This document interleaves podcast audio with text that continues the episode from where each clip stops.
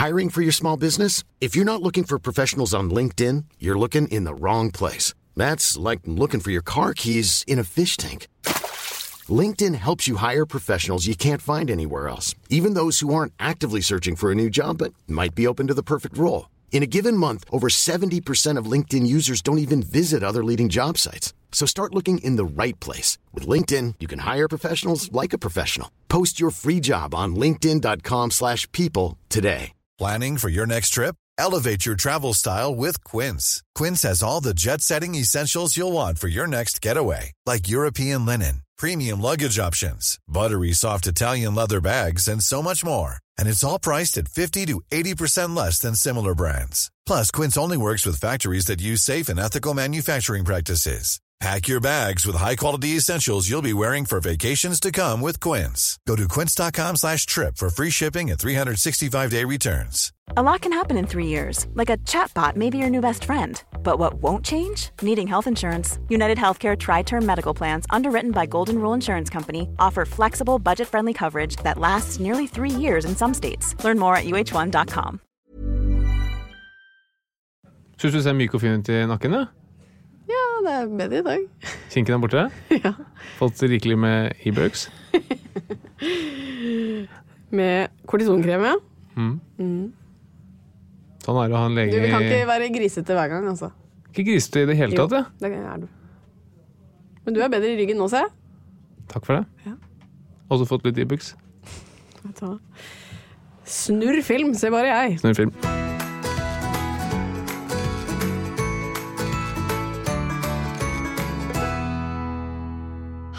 Velkommen til en ny episode av Åpen journal. Det er jo veldig hyggelig at det er eh, så mange som eh, hører eh, på vår podkast. Og i dagens episode så skal det handle om noe som det skrives mye om i media. Noe som kan redde liv, men også noe som vi dessverre opplever at blir vanskeligere og vanskeligere å benytte seg av. Og hva er det, doktor D? Jo, det er antibiotika. Et eh, veldig flott legemiddel, men med store utfordringer. Mer om det litt senere. Hvorfor skal vi egentlig snakke om det i dag? Det er veldig relevant. Det er høyt opp på dagsordenen. Det er en av de store truslene mot folkehelsen at eh, det blir stadig mer antibiotikaresistens. Så dette er noe som eh, omhandler oss alle. Wow. Veldig i tiden, det liker jeg. Og så skal vi få besøk av sjølvaste ET. Ja, Einar Tørnquist. Ja. Det gleder vi oss veldig til. Yes. Dette er jo på mange måter Hans og Jan Thomas i studio vi sitter i. Ja. Vi har akkurat sniffet oss fram til hvilken mikrofon som Jan Thomas bruker. Yes. For den lukter alltid veldig godt. ja.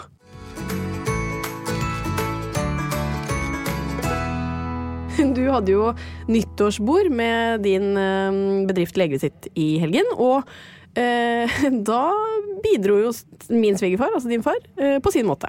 Ja, min far er eh, bare positive ting å si om. Han er en fantastisk fin fyr. Veldig grundig type. Ja. Det var han som jeg snakket om han tidligere, det var han som stilte opp på flyplassen før flyplassen åpnet. Ja. For å være sikker på å være tidlig nok ute. Så han lurte på om han kunne bidra til dette mm, julebordet jeg skulle ha med mm, mine kolleger, og spurte om han f.eks. kunne komme med litt eh, ost og skinke. Og så tenkte jeg at nei, det er ikke nødvendig, Vi kan, eh, jeg kan bare kjøpe noen poser med chips. Han sa nei, men han ville gjerne komme med litt ost og skinke. Det takket jeg ja til uten å vite hva som kom. For det jeg får da plingen inn på min e-post en halvtime etterpå, det er et åtte sider langt PDF-dokument med forskjellige varianter med ost og skinke. Hvor han har vært inne på nettet, printet ut um, forskjellige varianter, eh, stift, eh, kommentert med penn, Ja. stiftet sammen, og så skannet inn og sendt til meg på e-post. da. Så det var da åtte sider med f.eks. noen var skåret i den formen, noen var skåret i den formen. En var med skinke og ost separat, en var med eh, ost rullet i skinke, og så var det med pil. Denne kan byttes med tomat. Altså, det var helt utrolig. Ja. Det er jo altså Det er jo bare noe man må elske, rett og slett. Fordi maken til grundig, det har jeg aldri opplevd før. Nei, det var veldig Det er gøy og ganske morsomt. Ja, Og det er jo vanskelig på en måte For du videresendte jo denne mailen til meg, og jeg lo veldig godt. Men så måtte jo du komme tilbake til svigerfar og, og si hvilken da variant du hadde gått for. Ja, for han, altså Det er jo så godt ment, og han, det er ikke noe humor i det. eller forsøk på humor. Dette ikke. Er liksom, eh, Det fins mange varianter å velge mellom. Ost og skinke er ikke ost og skinke. Her må man ta et valg. Ja. Men ble det bra? Det ble veldig bra. Det Ja. ble en eh, veldig god variant, og tusen takk, pappa. Ja. Jeg har hatt en uh, veldig fin uke, men um, jeg kan ikke egentlig fortelle så mye om hva jeg har drevet med, for det er litt hemmelig. Spennende. Spennende. Det er veldig sånn bloggeraktig. Veldig. Ja, skal slippe en stor nyhet. Kan stor. sier du hvis jeg sveiper opp? Nei. Nei. Hva mener du egentlig? Nei, det er ofte sånn jeg har noe sjukt å ja, fortelle ja, med ja. sveip opp. Nei. Men det er, det er noen opptak jeg har vært på, som har vært veldig gøy. Mm. Oi. Det er ikke Idol, men Idol har også begynt, og det må jeg bare si at det er jeg så glad for. Endelig får folket tilbake Idol. Deg. ja, jeg vet ikke. Kanskje. Jeg vet ikke, jeg vet ikke, jeg, vet ikke, jeg. Det har vel vært litt cravings på den dama her. Ja, det tror jeg absolutt. Ikke hos meg, kanskje, fordi jeg er så mye sammen med deg, men eh, hos mange andre absolutt sannsynlig. Ja. Men du følger jo med, du òg. Jeg ja, sitter Mhm. helt forrest på stolen og følger med på hver eneste sending. Det er helt sant. Ingen eh, ironi i det. Nei? Syns du er utrolig flink. Det er veldig hyggelig å høre.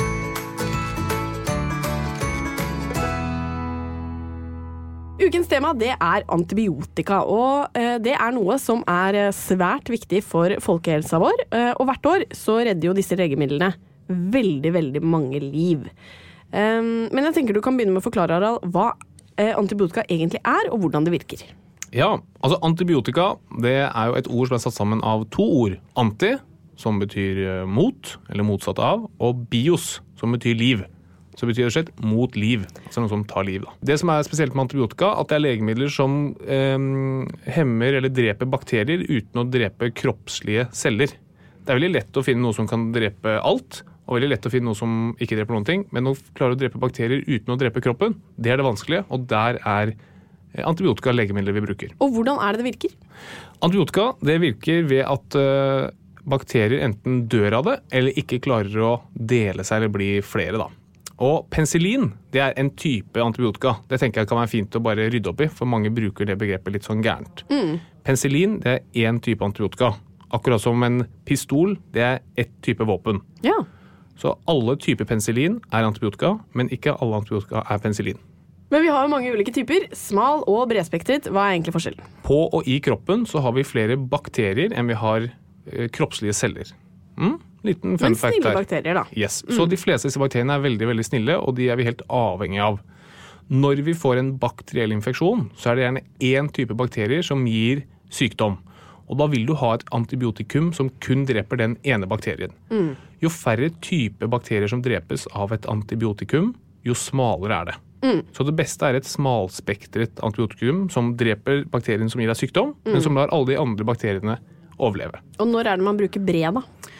Så hvis vi vet hvilken bakterie det er, så kan vi gi et veldig smalspektret antibiotikum. Som bare dreper de få slemme. Helt riktig. Men ofte så vet vi ikke helt hvilken bakterie det er. Eller pasienten er så alvorlig syk at vi må vite helt sikkert at vi tar den bakterien som gir sykdom. Da må vi gå på et bredspektret middel. Og bredspektret betyr bare at den dreper flere typer bakterier. Det er jo særlig bruk av bredspektret antibiotika og feil bruk av antibiotika som fører til økt resistens. Og aller først så må du jo bare forklare hva resistens mot antibiotika er for noe. Ja, Antibiotikaresistens det er når antibiotika ikke lenger virker mot bakteriene. Noen bakterietyper de lar seg ikke påvirke av antibiotika i det hele tatt. Det er rett og slett en resistens de har i natur av å være den bakterien. Men det som vi er veldig redd for, det vi kaller ervervet resistens. Da. Det er bakterier som vanligvis har vært mottakelige eller blitt drept av en type antibiotika, som nå ikke lenger lar seg påvirke av denne typen antibiotika. Det er resistens. Og en viktig ting å legge til der er at ø, mennesker blir ikke antibiotikaresistente. Det er ikke mulig. Det er bakteriene som blir det. Så er det noen som er redd for å gå rundt og er redd for at de selv er blitt antibiotikaresistente. Det er ikke mulig. Nei, og det har vi faktisk fått et lyttespørsmål om. Eh, som mente at hun hadde tatt antibiotika mye lenger enn hun skulle. Og at hun opp gjennom årene har tatt veldig mye antibiotika. Ja. Men det har også ingenting å si for henne. Eh, både og. Altså, hun blir aldri resistent, da. Men Nei. igjen, hun har jo masse bakterier i og på og rundt seg. Og de kan bli resistente. Og jo mer hun bruker antibiotika, jo større, større er risikoen for at um, de bakteriene blir resistente. Okay. For det er, det er som du sier, feil bruk av antibiotika gir resistens. Bredspektret uh, gir resistens. Men all antibiotikabruk gir også resistens. Det er bare Jo smalere midler man bruker, jo færre bakterier blir påvirket. Og da er det færre muligheter for at det utvikles resistens. Og du nevner jo et par ting som gir økt resistens. Uh, Men det er mer fokus på dette nå enn det det har vært før.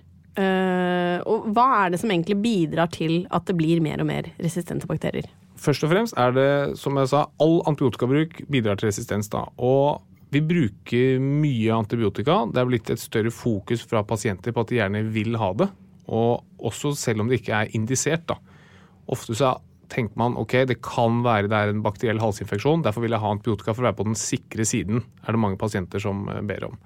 Og vi leger er nok ikke flinke nok, da har vi blitt flinkere i det siste, men er nok ikke flinke nok til å bare sette foten ned og si sånn du, hør her, du trenger ikke antibiotika, det gir deg kun bivirkninger. Resultatet er at man får sånne superbakterier, f.eks. gonoré, som for 50 år siden kunne behandles veldig enkelt med f.eks. penicillin, men som nå har utviklet seg til å bli, i hvert fall noen stammer, multiresistente. Altså rett og slett eh, gonokokker, gonorésykdom, som vi ikke har antibiotika som virker på. Og hva skjer da? Nei, da må vi liksom tilbake til eh, den førantibiotika alder og prøve å finne andre virkemåter til å få drept disse bakteriene på. Men i ytterste konsekvens så får du en infeksjon du ikke blir kvitt. Og hos ø, friske individer så er jo på en måte, går jo veldig ofte mange infeksjoner av, eh, over av seg selv, i hvert fall i løpet av en god stund. Men hvorfor er resistens så farlig da? Ja, det er et godt poeng, og det er flere ting man kan ta tak i i det du sier der. Det ene er det at de fleste infeksjoner går faktisk over av seg selv, og det er det ikke mange som tenker på. F.eks. en halsinfeksjon, eh, kanskje til en viss grad noen ganger også lungebetennelse, urinveisinfeksjon osv. Det er infeksjoner som kroppen egentlig klarer å behandle helt fint selv. Men det er blitt litt sånn at har du en bakterieinfeksjon, så gir vi antibiotika uansett.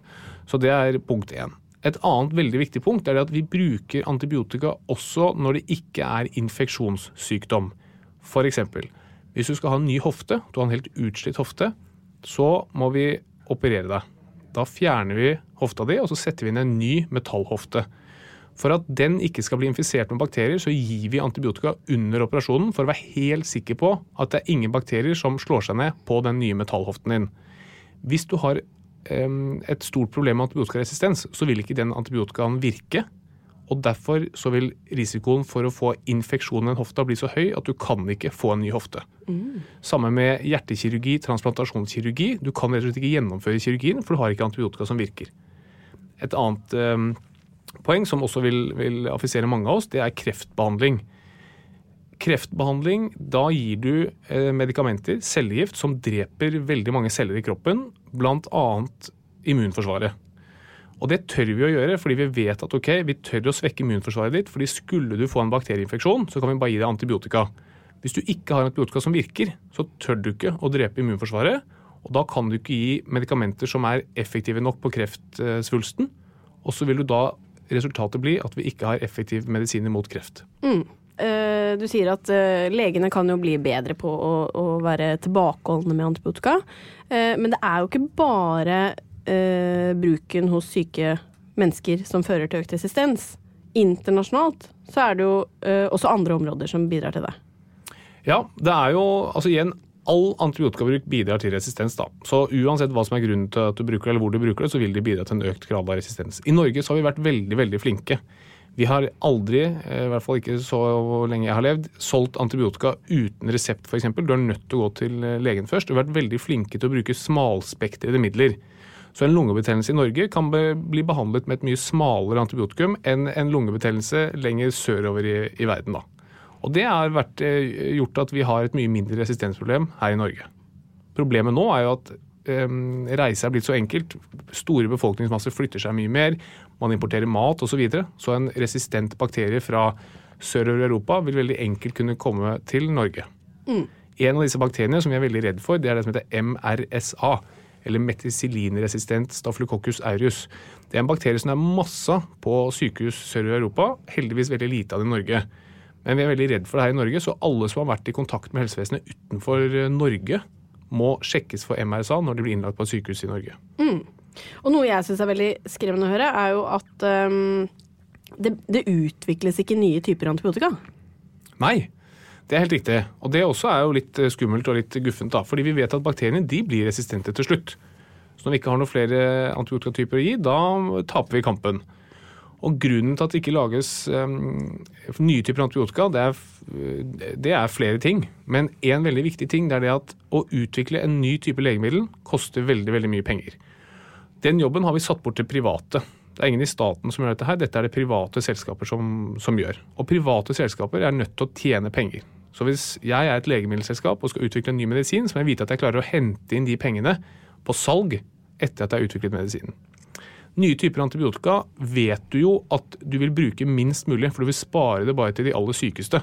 Så det betyr at det er et legemiddel som det er et lite marked for foreløpig. Og det er en viktig grunn til at vi ikke utvikler nye typer antibiotika. Og så vet du at bakterien til slutt vil bli resistent også mot den typen antibiotika. Ja, Så det lønner seg ikke å utvikle det. Så enkelt er det at det lønner seg rett og slett ikke å utvikle nye antibiotika. Legene har jo en eh, stor jobb foran seg når det kommer til å være litt eh, mer tilbakeholdne. Tørre å være tilbakeholdne med bruken. Men hva er det på en måte folk flest kan bidra med selv? Jeg tror bare folk eh, kan være opplyst, vite om dette her, vite hvordan det fungerer. Vite at ved virusinfeksjoner, som er de aller vanligste infeksjonene, altså rennende nese, bihulebetennelse, halsbetennelse, hosting, der vil det ikke hjelpe med antibiotika i det hele tatt. Og at man tør å stole på legen. Det er jo blitt så enkelt nå i Norge at det er jo leger på hvert gatehjørne, og du kan ringe en lege på telefon og du kan snakke med dem på video. og Det er ekstremt enkelt. sånn at hvis du vil ha antibiotika, så får du det jo til slutt. Du må snakke med mange nok leger, så finner du en som bukker under for presset.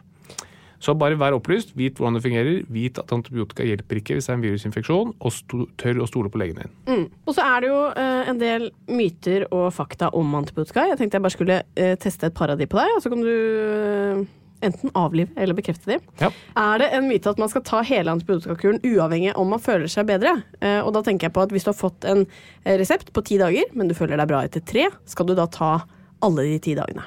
Ja, det er ikke en myte. Det skal du gjøre. Du skal ta kuren helt ut, da. Grunnen til det er at man tenker seg at hvis ikke du tar den helt ut, så vil du ha noen bakterier som er nesten døde, men som har blitt utsatt for antibiotikatypen, som da kan få vokse opp og så utvikle denne resistensen videre. Tanken er at hvis du står på hele antibiotikakuren, da dreper du alle bakteriene, sånn at det er færre som kan vokse opp og eh, utvikle resistens. Nå viser det seg, at, og det gjøres en del forskning på, at man kan sannsynligvis korte ned forløpet ganske betydelig. Den teorien man har hatt om at du knekker alle bakteriene så det ikke blir resistens, den stemmer sannsynligvis ikke helt. da. Men eh, dette satser på at legene vet bedre enn en, eh, pasientene. Så bare stol på legen, og når legen sier ta hele kuren, så tar du hele kuren. Ja. Eh, og så er det mange som lurer på, eh, funker eh, det greit å ta alkohol samtidig som man eh, tar antibiotika? Ja, det går egentlig greit. Um, Det finnes jo mange nyanser, selvfølgelig. Hvis du bruker antibiotika, så håper jeg at du er såpass sjuk at du ikke har lyst til å drikke alkohol. Men det er ingen interaksjon mellom alkohol og antibiotika annet enn noen få typer antibiotika, f.eks. et middel som heter metronidazol eller flagyl. Det kan krasje med alkohol, som gjør at du føler deg veldig dårlig og begynner å rødme og sånn. Litt sånn problem som jeg har hatt. Eh, Men ellers så går det helt fint å kombinere antibiotika med alkohol fra et rent farmakologisk perspektiv. Men igjen, som lege, bruker du antibiotika, da er du altfor syk til å drikke alkohol. Ja, det er jeg helt enig i. Du kan ikke dra på fest, men eh, mene at du skal eh, behandles som antibiotika. Nei. For du er så dårlig. Helt Sånn ble jeg sinna. Veldig bra. Ja.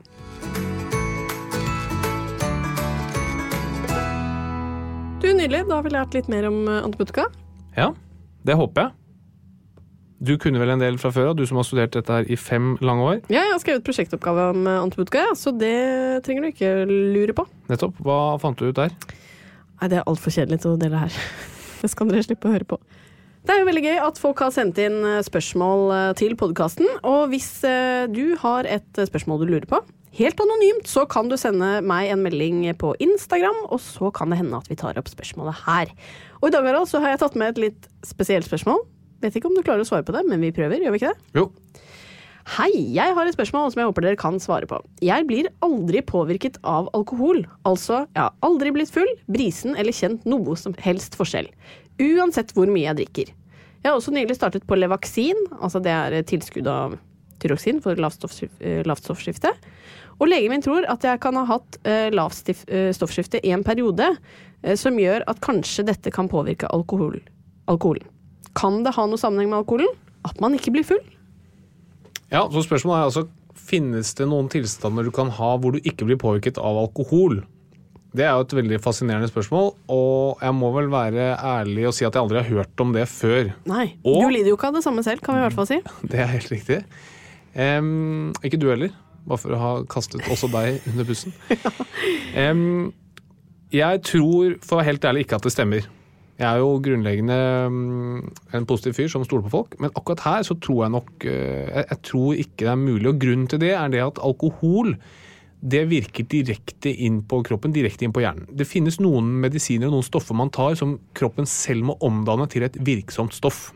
Mm. F.eks. en medisin som kanskje mange har hørt om, Paralgin forte eller Pinex forte. Det inneholder et stoff som heter kodein, som kroppen selv er nødt til å omdanne til det virksomme stoffet. Det er det mange som ikke får noen effekt av, fordi de mangler det enzymet som omdanner kodein til det virksomme stoffet. For alkohol så er det ikke sånn. Alkohol det går rett inn i blodet, og så passerer det til og med det vi kaller blod-hjernebarrieren. Altså det går rett inn i hjernen og påvirker hodet der.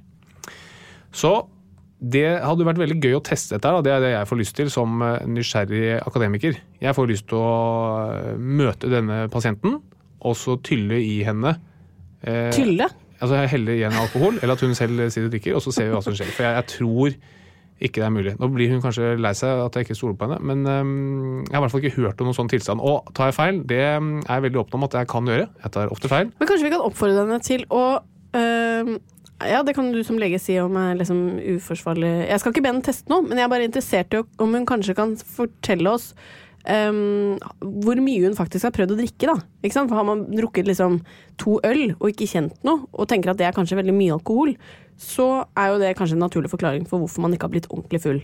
Har du liksom shotta en vodkaflaske, som jeg overhodet Altså, det skal man ikke gjøre. Ikke noe oppfordring her. Men eh, da, da, er jeg mer interessert. I, altså, da, er det jo en kasus her. Ja. Helt enig. Og det, det ville vel vært um, et, uh, et, medisinsk unikum mm. å være helt totalt upåvirkelig av alkohol. Og du kan jo kanskje til og med få en jobb ut av det. Altså mm. Du sitter i en bar, ikke sant? masse svære bikere. Sier sånn Hello, bikers. Uh, I have a competition here. I bet you a thousand dollars I can drink uh, mm. all the booze in the, uh, in the store. Or in the bar. Og så vinner hun 1000 dollar på det. Hvorfor vil du gjøre akkurat den imitasjonen der på engelsk? Fordi jeg så for meg at de var i USA. Ja. Og der bruker de også dollars. Det gjør. Og de har du vært ganske gjerrig med i det siste. Absolutt. Ja. Men det er, veldig, det er, et veldig, morsomt spørsmål. Jeg beklager liksom at det er, Men vi har jo også pasienter som kommer og sier du, nå har jeg, nå har jeg ikke brukt p-piller på, på, ett år, jeg er fortsatt ikke gravid. Mm. Og så viser det seg at de har ikke hatt uh, samleie. Ja. Så det er noen ganger litt sånne varianter ute og går. Det er det vi, som kan være tilfellet her, da. Mm. Men hun er jo hjertelig velkommen til å komme inn i eh, studio her sammen med oss med et alkometer, og så skal vi få testet henne i hvor langt eh, vi kan dra dette her. Jeg tror kanskje ikke vi skal holde på med det.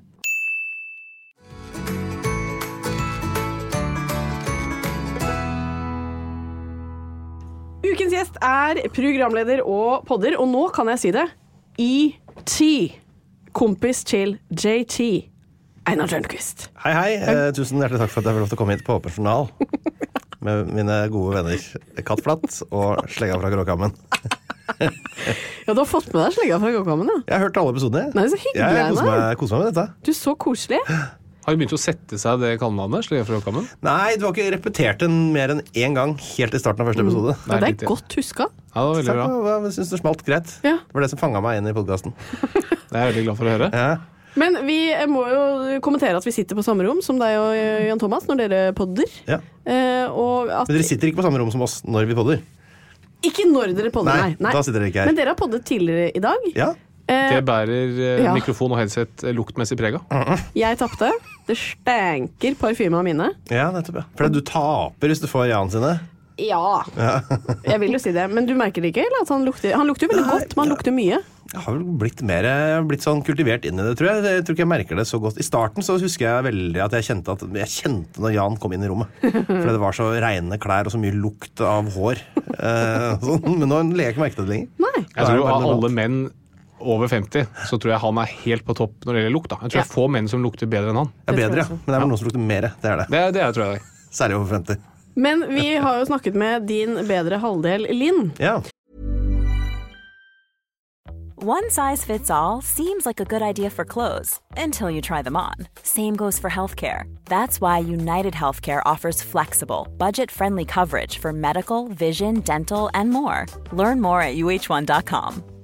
Quality sleep is essential. That's why the Sleep Number Smart Bed is designed for your ever evolving sleep needs. Need a bed that's firmer or softer on either side? Helps you sleep at a comfortable temperature? Sleep Number Smart Beds let you individualize your comfort so you sleep better together. JD Power ranks Sleep Number number 1 in customer satisfaction with mattresses purchased in-store. And now, save 50% on the Sleep Number limited edition Smart Bed for a limited time. For JD Power 2023 award information, visit jdpower.com/awards. Only at a Sleep Number store or sleepnumber.com. Even when we're on a budget, we still deserve nice things. Quince is a place to scoop up stunning high-end goods for 50 to 80% less than similar brands. They have buttery soft cashmere sweaters starting at $50, luxurious Italian leather bags, and so much more. Plus, Quince only works with factories that use safe, ethical, and responsible manufacturing. Get the high-end goods you'll love without the high price tag with Quince. Go to quince.com slash style for free shipping and 365-day returns. Og hun har jo fortalt oss det, at eh, hun tror at har, han har påvirket deg litt. At du bruker litt flere hårprodukter nå. Ja, jeg gjør det. Ja, jeg gjør det. Jeg bruker saltvannsspray. Eksempel eh, etter ferdig dusj så Ja. bruker jeg saltvannsspray eh, før jeg føner håret. Ja. Og så bruker jeg en lett molding clay Hva er det for noe? Molding clay er en liten uh, Kall det en hårvoks, da, men litt mer leiraktig, kanskje. Men nå har du på deg caps, og i dag har du ikke gjort det. Jeg skal trene etterpå. Du skal trene etterpå. Uh, det er derfor jeg tar på meg caps, for at folk skal spørre hvorfor uh, jeg har på meg caps. Jeg kan si jeg har ikke dusja, jeg skal trene. Men har du så mye hår, egentlig? Jeg har ganske bra hårvekt. Ok, ja. ja. ja. Ikke, på, ikke på låra og sånne steder. Ikke på ryggen, men jeg har mye på hodet og fjeset. Ja, I ansiktet òg. Du har en veldig flott eh, bart. Tusen veldig takk. tett bart. Jeg har prøvd noen ganger å spare til bart og eller skjegg. Det ser overhodet ikke ut. Det gjør ikke det? Nei. Nei. Jeg har svigerfar som eh, har jo på mange måter vært manifestasjonen av bart for mange. Veldig. Så jeg har prøvd å gå i de fotsporene. Det var fotspor jeg ikke hadde noen plass i. Nei. Har han slutta med bart? Han varierer litt. Ja. ja. Han gjør det, Han gjør det, det er helt riktig. Han barberer den, og så vokser den faktisk ut igjen. naturlig nok. Han gjør det, ja. Ja. Så han napper den ikke ut. Sånn som han og tatoverer på ny hver gang. Men apropos Dette med hår er jo noe menn er veldig opptatt av. Um, Harald er jo eh, såpass uh, opptatt av hår at hva er det du spør frisøren din om hver gang du er der? Nei, Jeg bare sier at eh, hvis det er spor et- etter tynning her, altså det begynner å bli tynt eller virker mye tekst oppover, si gjerne fra, for da kan jeg begynne å forberede meg. Ja. Og forbered deg på hvilken måte da, tenker du? Eh, medikamentelt. Medikamentelt. Ja. Okay. Selvfølgelig. Men er du, er du sånn som sjekker viker og måneder, og du er veldig redd for det, eller? Eh, nei, jeg er ikke noe redd for det. Eller, så Jeg er litt spent på hva slags uh, mysterier som befinner seg under uh, hodet, eller ho hodets uh, klær, altså håret. Det kan man også kalle det. Eh, så jeg veit ikke helt hva som skjuler seg under der. Men hvis det viser seg å være stygt, det jeg har under her, så blir jeg jo skuffa hvis jeg mister hår. Ja. Hvis ikke så går det fint. Hva, hva tenker du at kan være der? Det kan jo være fødselsmerker Det kan kanskje ikke være fødselsmerker. Sånn, da. Vorter, nei, det burde jeg kjent. Ja, Du kjenner det meste der. Men lus kan det være, da. Men det klør Det kan jo. være. Ja, Det har jeg aldri hatt, faktisk. Dessverre. Så jeg, mens jeg klødde meg Ja, i håret. mistenkelig med øret der. Er det ikke bak øret de sitter og Du sa ikke, men flass er det en del av. Flott, ja.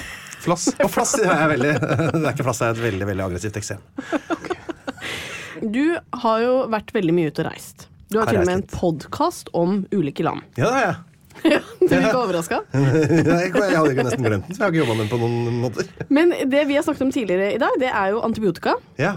Um, og uh, internasjonalt så er jo veldig mange land med på å bidra til økt antibiotikaresistens Ja. fordi de bruker det altfor mye. Um, jeg regner med at du kanskje har brukt litt antibiotika når du har vært ute på tur? Tar eh, I godt lag så kan jeg ta med et uh, biotikum, holdt jeg på å si. Rart et antibiotikum, da.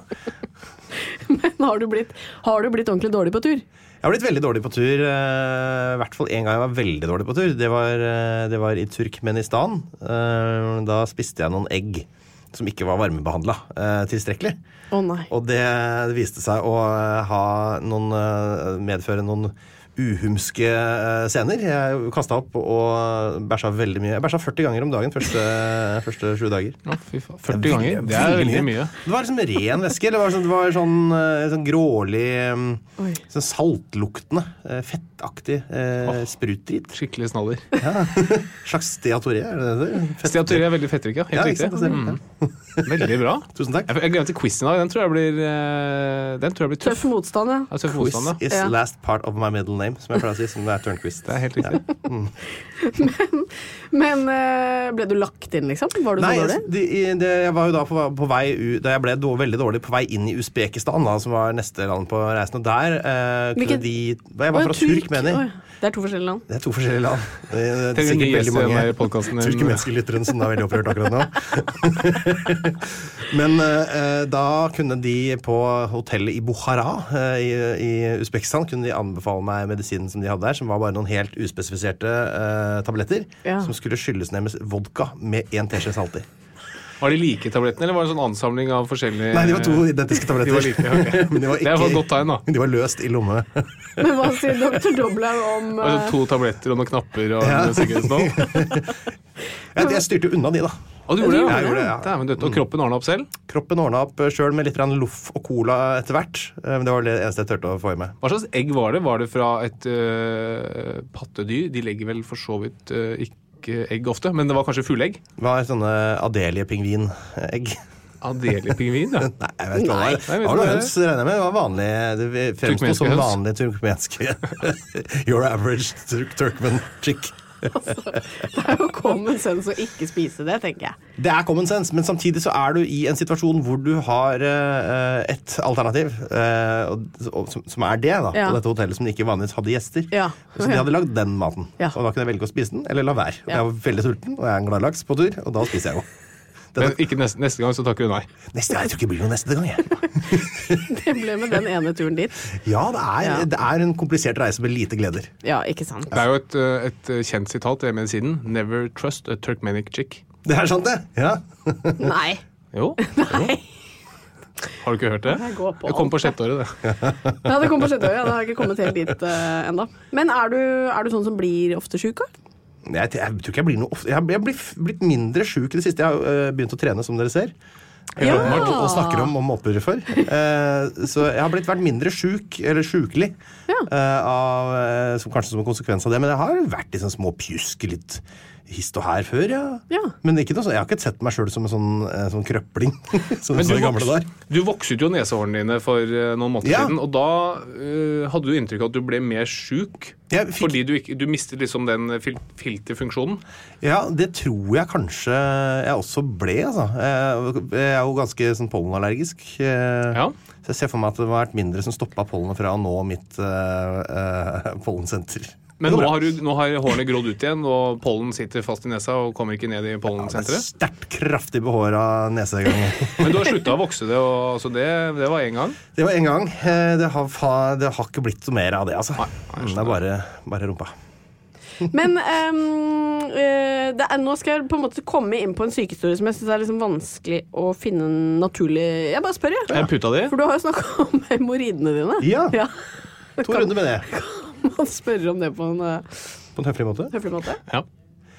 Ja, eh, det er jo ikke i Perniche, så Nei, det, er jo, det- er jo bak der. Og da kan man jo spørre så mye man vil. Eh, og jeg hadde jo hemoroider. Da med en ekstra vond. Veldig god uttale her. Akkurat som entreprenør. Man må ha med den R-en for slutten der òg. Absolutt. Eh, Jeg fikk det første gang da jeg jobba som landmålerassistent da jeg var 19. eh, Og bøyde meg mye opp og ned. eh, Og eller skvotta en del i jobbsammenheng. Ja. Da kjente jeg plutselig en dag at nå hadde jeg det vondt i Ja. rumpa mi. Og sa nå må jeg gå fra jobben, nå må jeg dra på sykehuset. Du måtte så- på sykehuset med det? Ja, eller i hvert fall til legen. da, til Ja. doktor Bang. Og så kom jeg til doktor Bang, og da doktor Bang viste seg å ha en student på besøk for første gang, det har jeg aldri hørt om før, at det var studenter på besøk hos legen noen jo ganger. Så ble jeg skuffa. Ja, det ble det. Så da- fikk du valget, da? Du fikk ja. Ja. Han spurte er det greit at hun, for hun er ganske pen nå, er sånn ung, liksom, kanskje ett år eldre enn meg, ung, pen kvinnelig student, eh, lurte på om det var greit at hun også var til stede under undersøkelsen. Da sa jeg nei, jeg. Ja. Ja. For der sto du med hemoroider og en knallhard ereksjon. Ja, det var, var det du var redd for? vil jeg jo skjule, selvfølgelig. Jeg tror det er det siste man tenker på i den undersøkelsen der. Det tror jeg altså. Ja. Så, men det var en eh, vanlig plasthanske, det, det altså. Ja. Men andre jeg hadde hemoroider, eh, som da, da var jeg kanskje 32. Kanskje, ja, ca. 32 år. Da var det trombosert eh, hemoroide, som vil si at det er noe blod som levrer seg eller sånt inni der. Ja, hva var vil det altså så si? Det, det, det er vondt, eller? er det noe vondeste Det er som, som podagra vondt, tror jeg. Sånn liksom, du, du Ja. kjenner at noen går forbi deg. Du kjenner at vibrasjonen i gulvet at noen går forbi sofaen i rumpa di, liksom. Så vondt var det. Kunne du bruke det til å for kjenne når trikken kom, når du sto på perrongen, og så nå nærmer den seg? Ja, Særlig de nye italienske eller disse trikkene, de store italienske trikkene fra 90-tallet. Ja, altså Da jeg var liten, så brukte vi jo Det var jo i gamle dager. Før, nå ser man jo på en sånn skjerm. Trikken kom i åtte minutter. Vi så jo på at det svaiet i, i ledningene ledningene ja. når det nærmet seg. Men det er klart at hvis du kan bruke hemoroidene til å få en sånn viss indikasjon på hvor langt det er, så er jo det en liten bonus. Ja, absolutt. Men da vil jeg spørre, fordi vi hadde jo eh, Du har jo sikkert hørt det, i og med at du har hørt alle podkastene. Harald Rønneberg eh, ga jo liksom en eh, fra null til ti hvor vondt nyrestein er. Ja. Og da kan vi ta en fra null til ti hvor vondt var sånn tromboserte hemoroider. Ja, det er nok vondere enn nyresteinene til Harald, som jeg mener jeg husker havna på 6-7 et annet sted. Ja, det Seks? gjorde det. Ja. Jeg vil nok legge meg Men altså, jeg, jeg, jeg, så ti, ikke sant? det er jo maks smerte. Det Det er, er fødsel. da blir du skrelt. Ja. Det er ti. Det er så vondt er det ikke. Uh, skrelt under fødsel, som er det aller verste. uh, da tror jeg jeg legger den på åtte. Åtte? Ja. Ja, Det er vondt. ja åtte er veldig vondt. Ja. Det er veldig, veldig vondt. Jeg hadde blindtarmbetennelse, det var mindre vondt. Ja. For det kan jo også være veldig vondt. Ja, det Hva vondt. gir du den, da? Hva, hva den gjorde? Nei, hva gir du den? Jeg, jeg, gir den sju, jeg, altså. Å ja. Ja. Fortsatt veldig vondt, da. Ja, men sprakk ikke. Gikk ikke helt eh, Ble ikke eh, bukhinnebetennelse av det. Peritonittisk. Peritonitisk, som jeg trodde jeg hadde i helga. Jeg føler meg som blant kolleger. jeg, nå. Ja, altså dette er jo såpass bra eh, at vi blir veldig spente på quizen. Ja, det skjønner jeg. Ja. Den er jeg også veldig spent på. Vil du ha den allerede nå? ja. Oi, hastequiz! er Hastebehandling. hastequiz. Hastequiz. Øhjelpsquiz. I dag så heter jo selvfølgelig quizen for Einar Tørnquiz. Ja, nettopp. Den lå jo litt i, lå i kortene. i kortene. Og den er kanskje noe du bruker ellers også, den var ikke så nyskapende. Ja, jeg har jo jeg har gitt en bok som heter Ja. Tørnquiz. Oh, ja. ikke sant? Jeg Jeg skal gi den til i februar. Er det sant? Hva skal den handle om? Turnquiz Tørnquiz 2 heter den. Hva skal den Er det land? Den handler om nei, er generell uh, quizkunnskap. Uh, er det du trenger for å svare på alt de 1500 spørsmålene i boka. Det jeg vil starte med i dag, det er et quizspørsmål til min eh, gode kone. Fordi du, Einar, har jo en podkast som heter 198 land. Men da er jo spørsmålet til Katarina hvor mange land er det i verden? Det ville jo vært naturlig å si 198. Ja, det er det ikke. Det er det ikke, nei. Nei, nei. Uh, vet du hva, jeg sier 324. Hvorfor ler dere sånn? 324! Å, herregud! Er det Det var mye, ass! Nå tok du hele universet nå, ikke bare Norge. Eller ikke bare ja, hele universet. Er det 198? Det orker jeg ikke. Nei, det er faktisk ikke Å, 198. nei. Nei. Får jeg gjette en gang til? Ja, det skal du få lov til å gjøre. 202, da. Åh, jeg skulle ønske det gikk høyere. Ja. Jeg skjønte jo på reaksjonen deres at ikke jeg skulle gå høyere. 600 og den. Fader, altså. Hvor mange er det? Skal jeg svare på det? Ja, Ja, det, for, jeg, for jeg lurer litt, da, fordi det som er litt interessant, er at det er et definisjonsspørsmål, faktisk. da. Så jeg vil gjerne da rette spørsmålet over til deg, Einar Tørnquist. Altså, FN anerkjenner vel 195, tror jeg det er. Hvorfor sier du 198? ja, men indirekte 197. Eh, ja, indirekte gjør, gjør du det? Ja, for de sier det er to observatørstater. Ja, men de er jo ikke offisielle medlemmer av FN, da. Nei, det er riktig. Men da er det på en måte 197, altså i og med at de altså... Altså, ja, men det er mange flere enn det hvis du regner med de som ikke på en måte er tatt inn i FN. på en måte. Jo, det er jeg helt enig i. Men, men ja, ok, det er enig at det er 185 med i FN. Ja. Men de sier, de sier 185 pluss to, da. Pluss Ja, to observatørstater. Jeg falt av for lenge siden. Men hvorfor heter det 198 land? For jeg regner med at det er ca. 198 når podkasten er ferdig. Er det derfor? Ja, nå er det ja. Bougainville er nå i ferd med å bli et land, f.eks. Uh, så det ser ut som vi går mot 196 allerede i 2020. Oi! Ja, men Hva er er liksom øh, Hvor lenge tenker du på podkasten Når er den ferdig? Den er ferdig rundt 2050.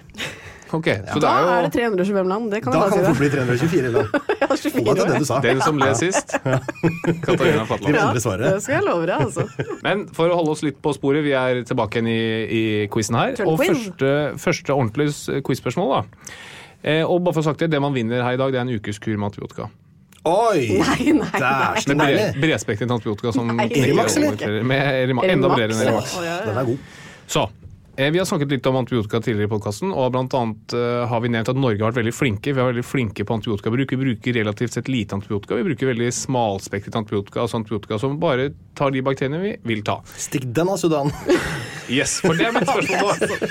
Hvilke land i verden bruker mest antibiotika? Starter med deg, Katarina Flatland. Eh, det første Det er 324 å velge mellom her, så er det vanskelig. Veldig mange å velge mellom. Men ehm, jeg tror øh, jeg, jeg det, Som du har sikkert hørt i de tidligere podkastene, jeg resonnerer veldig mye for å brife med god. Og konsekvent. Ja.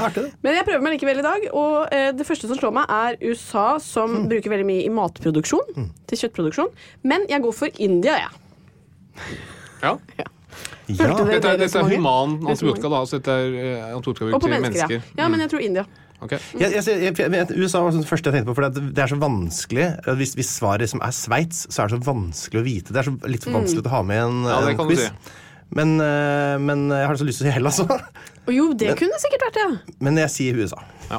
Det som er litt eh, plagsomt, er at jeg forholder meg til tall fra WHO, og de har faktisk ikke tall fra USA og, India. Oh, men er, ikke, er, er det antall piller Det er delt ut? antall antibiotikadoser per eh, innbygger. Altså, så det er, liksom, det er justert for at det Hvis det er én veldig syk innbygger, så er det mange større, mer sannsynlig enn at det Det er mange riktig. Vatikanstaten, for eksempel, som har relativt få innbyggere, det er Ja. som en, Er det et et, utbrudd av gonoré der, det vil jo påvirke statistikken i veldig Oi. dårlig grad. Men det som bruker mest antibiotika i verden, Monaco. det er nesten. Mongolia. Å, det er jo to land av samme stykke! Ja, er det Er det det? Mongolia? Mongolia. Verdens Det minst befolkningstette land. Skulle tro de klarte å holde seg smittefrie der. Åpenbart ikke. I alle dager. Og andre- og tredjeplass det er Iran og Tyrkia. Ja, nei, Så vi hadde ikke truffet i det hele tatt. Og Mongolia bruker altså fem ganger mer antibiotika enn Norge. Så for hver gang du tar en antibiotikakur, så har en mongoler tatt fem kurer. Utrolig Tenk provoserende. Ja. Det skal jeg tenke mer på. Neste spørsmål. Hvor mange prosent av befolkningen oppgir å være allergiske mot penicillin? Einar Tørnquist. Oppgir å være allergisk mot penicillin. Eh, uh, jeg er i hvert fall ikke allergisk mot penicillin. Pe penis uten min, da. Ja, det, er- det har jeg jo eh, automatisk. Men jeg sier eh, Jeg sier eh, at ca. 10 oppgir å være eh, allergisk mot penicillin, som selvfølgelig er altfor mye. Nei, det er altfor lite, tenker jeg. Fordi greia er at veldig mange oppgir å være det, men det er ingen reell allergi. Nå ser det oppgitt ut, fordi jeg igjen resonnerer meg fram til et Til feil svar. Uh, feil svar. Og det skjønner jeg godt, Scott min. Men jeg gjør det likevel. Um, jeg tipper det er faktisk så mye som 17 jeg. Som sier at de er allergisk. Ja. Ja. Riktig svar er faktisk eh, 10 Einar Tørnquist. Nei! Nei, nei, nei, nei, nei, nei. Det er imponerende. Takk. Eller det er flaks, da, men det er også imponerende i lengden. Men min kjære kone har jo vært eh, inne på det, fordi neste spørsmål det er hvor mange av de som oppgir å være allergisk mot penicillin, er faktisk ikke allergisk mot penicillin? Hvor mange av de 10% altså et nytt tall mellom 0 og 100, eh, er ikke allergiske? Mm, de sier de er allergiske, men så er de det ikke.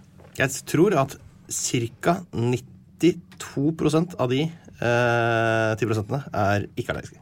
Oi. Det sier han jo nå fordi jeg ga han den informasjonen i forrige spørsmål. ikke sant? At det er veldig mange som ikke er det. Jeg sa også det samme som deg før det. Du bare hørte ikke etter. og Så, så gjentok du det som om det var sånn spennende nytt fakta brakt til torgs. Ok, Men du sier 92? Ja. Da sier jeg 11 sier 11. eh, Nei, nå 150. Nei. Ja, 150 er gøy. Eh, 84. Oi, shit. Oi, dere er veldig gode. Det er faktisk 90 da. Igjen Nei. Einar Tørnquist. Einar Sein. Jeg er altså så i en. Men er ikke dette fascinerende? At 90% av de som eh, oppgir allergi mot penicillin, faktisk Jo. ikke er det. Men jeg føler jeg er sånn, er ikke det typisk? Alt allergi er nesten sånn. Det er ingen som tar de der eh, testene. Ikke Nei. sant? Og så er mange tenker at du får magesmerter eller diaré eller blir kvalm, det er allergi, men det er det altså ikke. Nei. Så, Jeg hvis hadde du, syns det vært fascinerende, men jeg er for sur over å ha svart feil til at Ja, jeg er klarer å engasjeres. så det er en liten oppfordring til lytterne. Tror du at du er allergisk mot penicillin, ta så sjekk det. Fordi det har ganske stor påvirkning på hva du kan få og ikke kan få Jeg senere. tror du at du er allergisk mot penicillin? Eh, ta penicillin. Ja, men det er det vi gjør. Det går som regel bra. Vi gir dem faktisk penicillin, og så ser vi hva det går. Ja. Neste spørsmål. Hvis dere to får en bakteriell lungebetennelse, skal dere ha samme antibiotika og i samme dose? Hvis vi får en bakteriell lungebetennelse Ja. For hva veier du, hvis jeg kan spørre om det?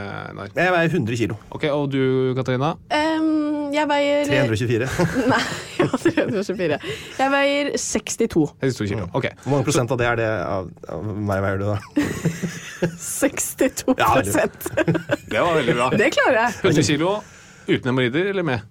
Det er med hemoroider, var det 104. 104. Enorm. ok, Så vi har en eh, lang mann her på 100 kilo og en litt mindre dame her på 62 kilo. Hvis dere får en bakteriell lungebetennelse, skal dere ha samme antibiotika og skal dere ha samme dose? Vi starter med deg, Einar Tørnquist. Eh, b- b- b- b- b- b- Tenke, tenke, tenke. Bakter- ja, Se for meg at da skal vi ha sånn noenlunde det samme stoffet i bare litt forskjellig dose, eller? Jeg gjetter det. Ok, Det er ditt svar. Ja, Katarina, du som kan dette Jeg tror vi skal ha samme dose. 62% av den dosen jeg fikk. Ikke sant? Sånn at I forhold til nasjonale retningslinjer skal dere ha samme middel og samme dose. Man skiller ikke på Det er veldig urettferdig for meg, som får så lite. Det er Ja, akkurat det. Mm. akkurat det. Så det er som ulempen med at vi blir så veldig algoritmebasert at man, man slutter å gjøre en vurdering. Du bare um, slår opp et sted, og så gjør du det som står der. Ja. Oh, ja, så det er feil, men man skal det? Ja, altså det, eller Vi kan jo diskutere her, er det feil eller riktig, men det er åpenbart at du burde jo sannsynligvis hatt en høyere dose enn Katarina. For det, Ja. det er mye mer masse hvor Masse? Mye muskler, muskler, ikke sant? Yes. Ja. Noe legger seg hemoroider, blant annet. Det gjør det. Nettopp. Neste spørsmål. Hvis dere får en urinveisinfeksjon, UVI, som vi sier. veldig bra, skal dere da ha samme antibiotika i samme dose? Katarina Flatland. Ja. Ok, Einar Tørnquist. Men hun har jo så mye kortere urinrør enn meg. at jeg ser for meg at Hvordan vet du det? For det, eh, det, det vet jo ikke jeg. Eh, Men det må, altså, jeg vet jo det jeg vet om mitt. Og det, hvis, hvis hun ikke har kortere enn meg, Du kan ikke sitte og skryte av noen urinrør. Eh, nei, jeg sier ikke skryt, jeg bare sier at det, vil, det, det ser nok eh, rart ut hvis hun har mye lengre urinrør enn meg, f.eks. Mm. Eller kanskje det har slått knute på seg. vet ikke jeg. Du, Har du eh, ikke som jeg veit. Har ikke rørknute. Nei, jeg tror at jeg skal ha mere. Ok, Og Katarina sier det samme. Ja. Ja, Det er helt riktig, du skal faktisk ha mer. Fordi når menn får infeksjon, så tenker man at det er en kompliserende Komplisert, faktor. Da. Det er en eller annen grunn til at de bakteriene, for de skal Ja. ikke så lett klare å slå seg ned.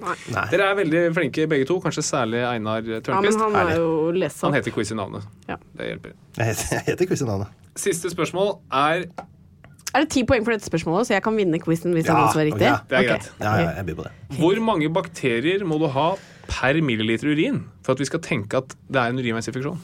For å, for å for, forklare spørsmålet litt mer, da, at Hvis vi lurer på om det er urinveisinfeksjon, så tar vi en urinprøve og så sender vi den til laboratoriet. Og Da får vi svar hvor mange bakterier de ser per milliliter.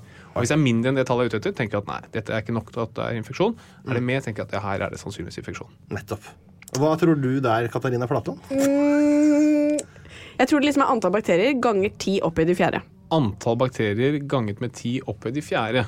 Ok, Så det betyr 10 000 Ja. bakterier per milliliter. Yes. Ok, Jeg, jeg valgte et tall før jeg hørte deg snakke, og det var 200 000. Oi. Men jeg aner ikke, for, for, jeg, for svaret kan være 100, og det kan være 100 millioner. Ja. Det er akkurat det som er med bakterier. De er Ja. fryktelig små. De er knøtteknøttesmå. Så riktig svar er faktisk som Katarina sier, det er 10 000 per milliliter. Ja da! Ja da! Ja da! veldig bra. 10-0! Ja, 10-0, da, år, da vant jeg Ja, hele hun har et kort urinrør, men hun vet nå en og ting og to om bakterier. Du vet å drenere litt urin. Du, dette var sterkt, altså. Det var meget sterkt levert, Ja. Einar Tørnquist. Jeg skjønner at Jeg Gud ga deg quiz i navnet ditt. Ja. Takk. Jeg tror jeg skal gi ut eh, quizbok, jeg. Ja, ja men jeg jo, kan bli slenge på min. Vi kan spleise på Det er jo bare å stokke om de der 15 spørsmålene hans. Kan vi gi ut den sammen. Du, det var veldig, veldig gøy. Um, gratulerer med å tape.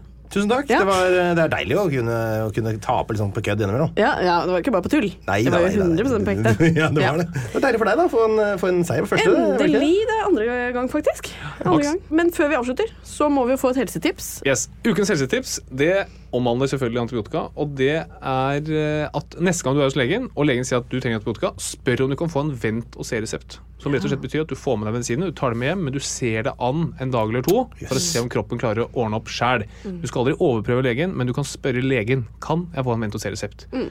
Da får kroppen ordna opp sjæl, og du minimerer resistensutvikling. Mm. Og gjør oss alle en tjeneste. Ja, Dæven. Det var bra tips. Takk for det. veldig. Nei, men du, da er det jo bare å si eh, Hold dere friske, folkens. Tren, ikke røyk, eh, hold blodtrykket nede.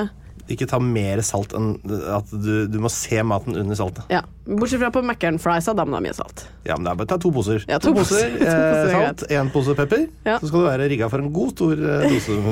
And stay away from Turkmenic chicks. Ja. Absolutt. Og eh, mongolere, skjerp dere med antibiotikaen deres. Du, Yes. du er sikkert sånn, Apropos quiz, er det noen sånn verdensrekord i antall eh, avføringer i løpet av et døgn? Altså 40 om dagen over lengre tid. Da, da tipper jeg vi begynner å da, Det er i hvert fall sånn EM-standard, ja, tenker jeg. altså, jeg må- det var mange kilo jeg gikk ned bare på avføringen. så, eh, Men for diaré er definert som over 250 eh, milligram om dagen. eller sånt Ja, det vet jeg ikke. Det er i hvert fall tre tømminger på døgnet for å skulle kalle det Herregud, dette Ja. blir smalt, gutta. Sorry. Eh, jeg, jeg, kan jeg bare si noe til lytterne? Google ordet Melena, google ordet steatoré, og gjør begge to med bildegoogling. Helst ikke. Ja. Er det bilde av deg der, eller? Jeg håper det. Ok, vi snakkes neste uke. Hei då. Plan B. Hi, I'm Daniel, founder of Pretty Litter. Did you know cats tend to hide symptoms of sickness and pain? I learned this the hard way after losing my cat, Gingy. So I created Pretty Litter, a health monitoring litter that helps detect early signs of illness by changing colors, saving you money and potentially your cat's life. Pretty Litter is veterinarian developed, and it's the easiest way to keep tabs on your fur baby's health right at home. Go to prettylitter.com and use code ACAST for 20% off your first order and a free cat toy. Terms and conditions apply. See site for details. Hey, it's Paige DeSorbo from Giggly Squad. High quality fashion without the price tag. Say hello to Quince. I'm snagging high-end essentials like cozy cashmere sweaters, sleek leather jackets, fine jewelry, and so much more. With Quince being 50 to 80% less than similar brands. And they partner with factories that prioritize safe, ethical, and responsible manufacturing. I love that. Luxury quality within reach. Go to quince.com slash style to get free shipping and 365 day returns on your next order. Quince.com slash style. Imagine the softest sheets you've ever felt. Now imagine them getting even softer over time. That's what you'll feel with Bowl and Branch's organic cotton sheets. In a recent customer survey, 96% replied that Bowl and Branch sheets get softer with every wash. Start getting your best night's sleep in these sheets that get softer and softer for years to come. Try their sheets with a 30-night guarantee. Plus, get 15% off your first order at bowlandbranch.com. Code BUTTERY. Exclusions apply. See site for details.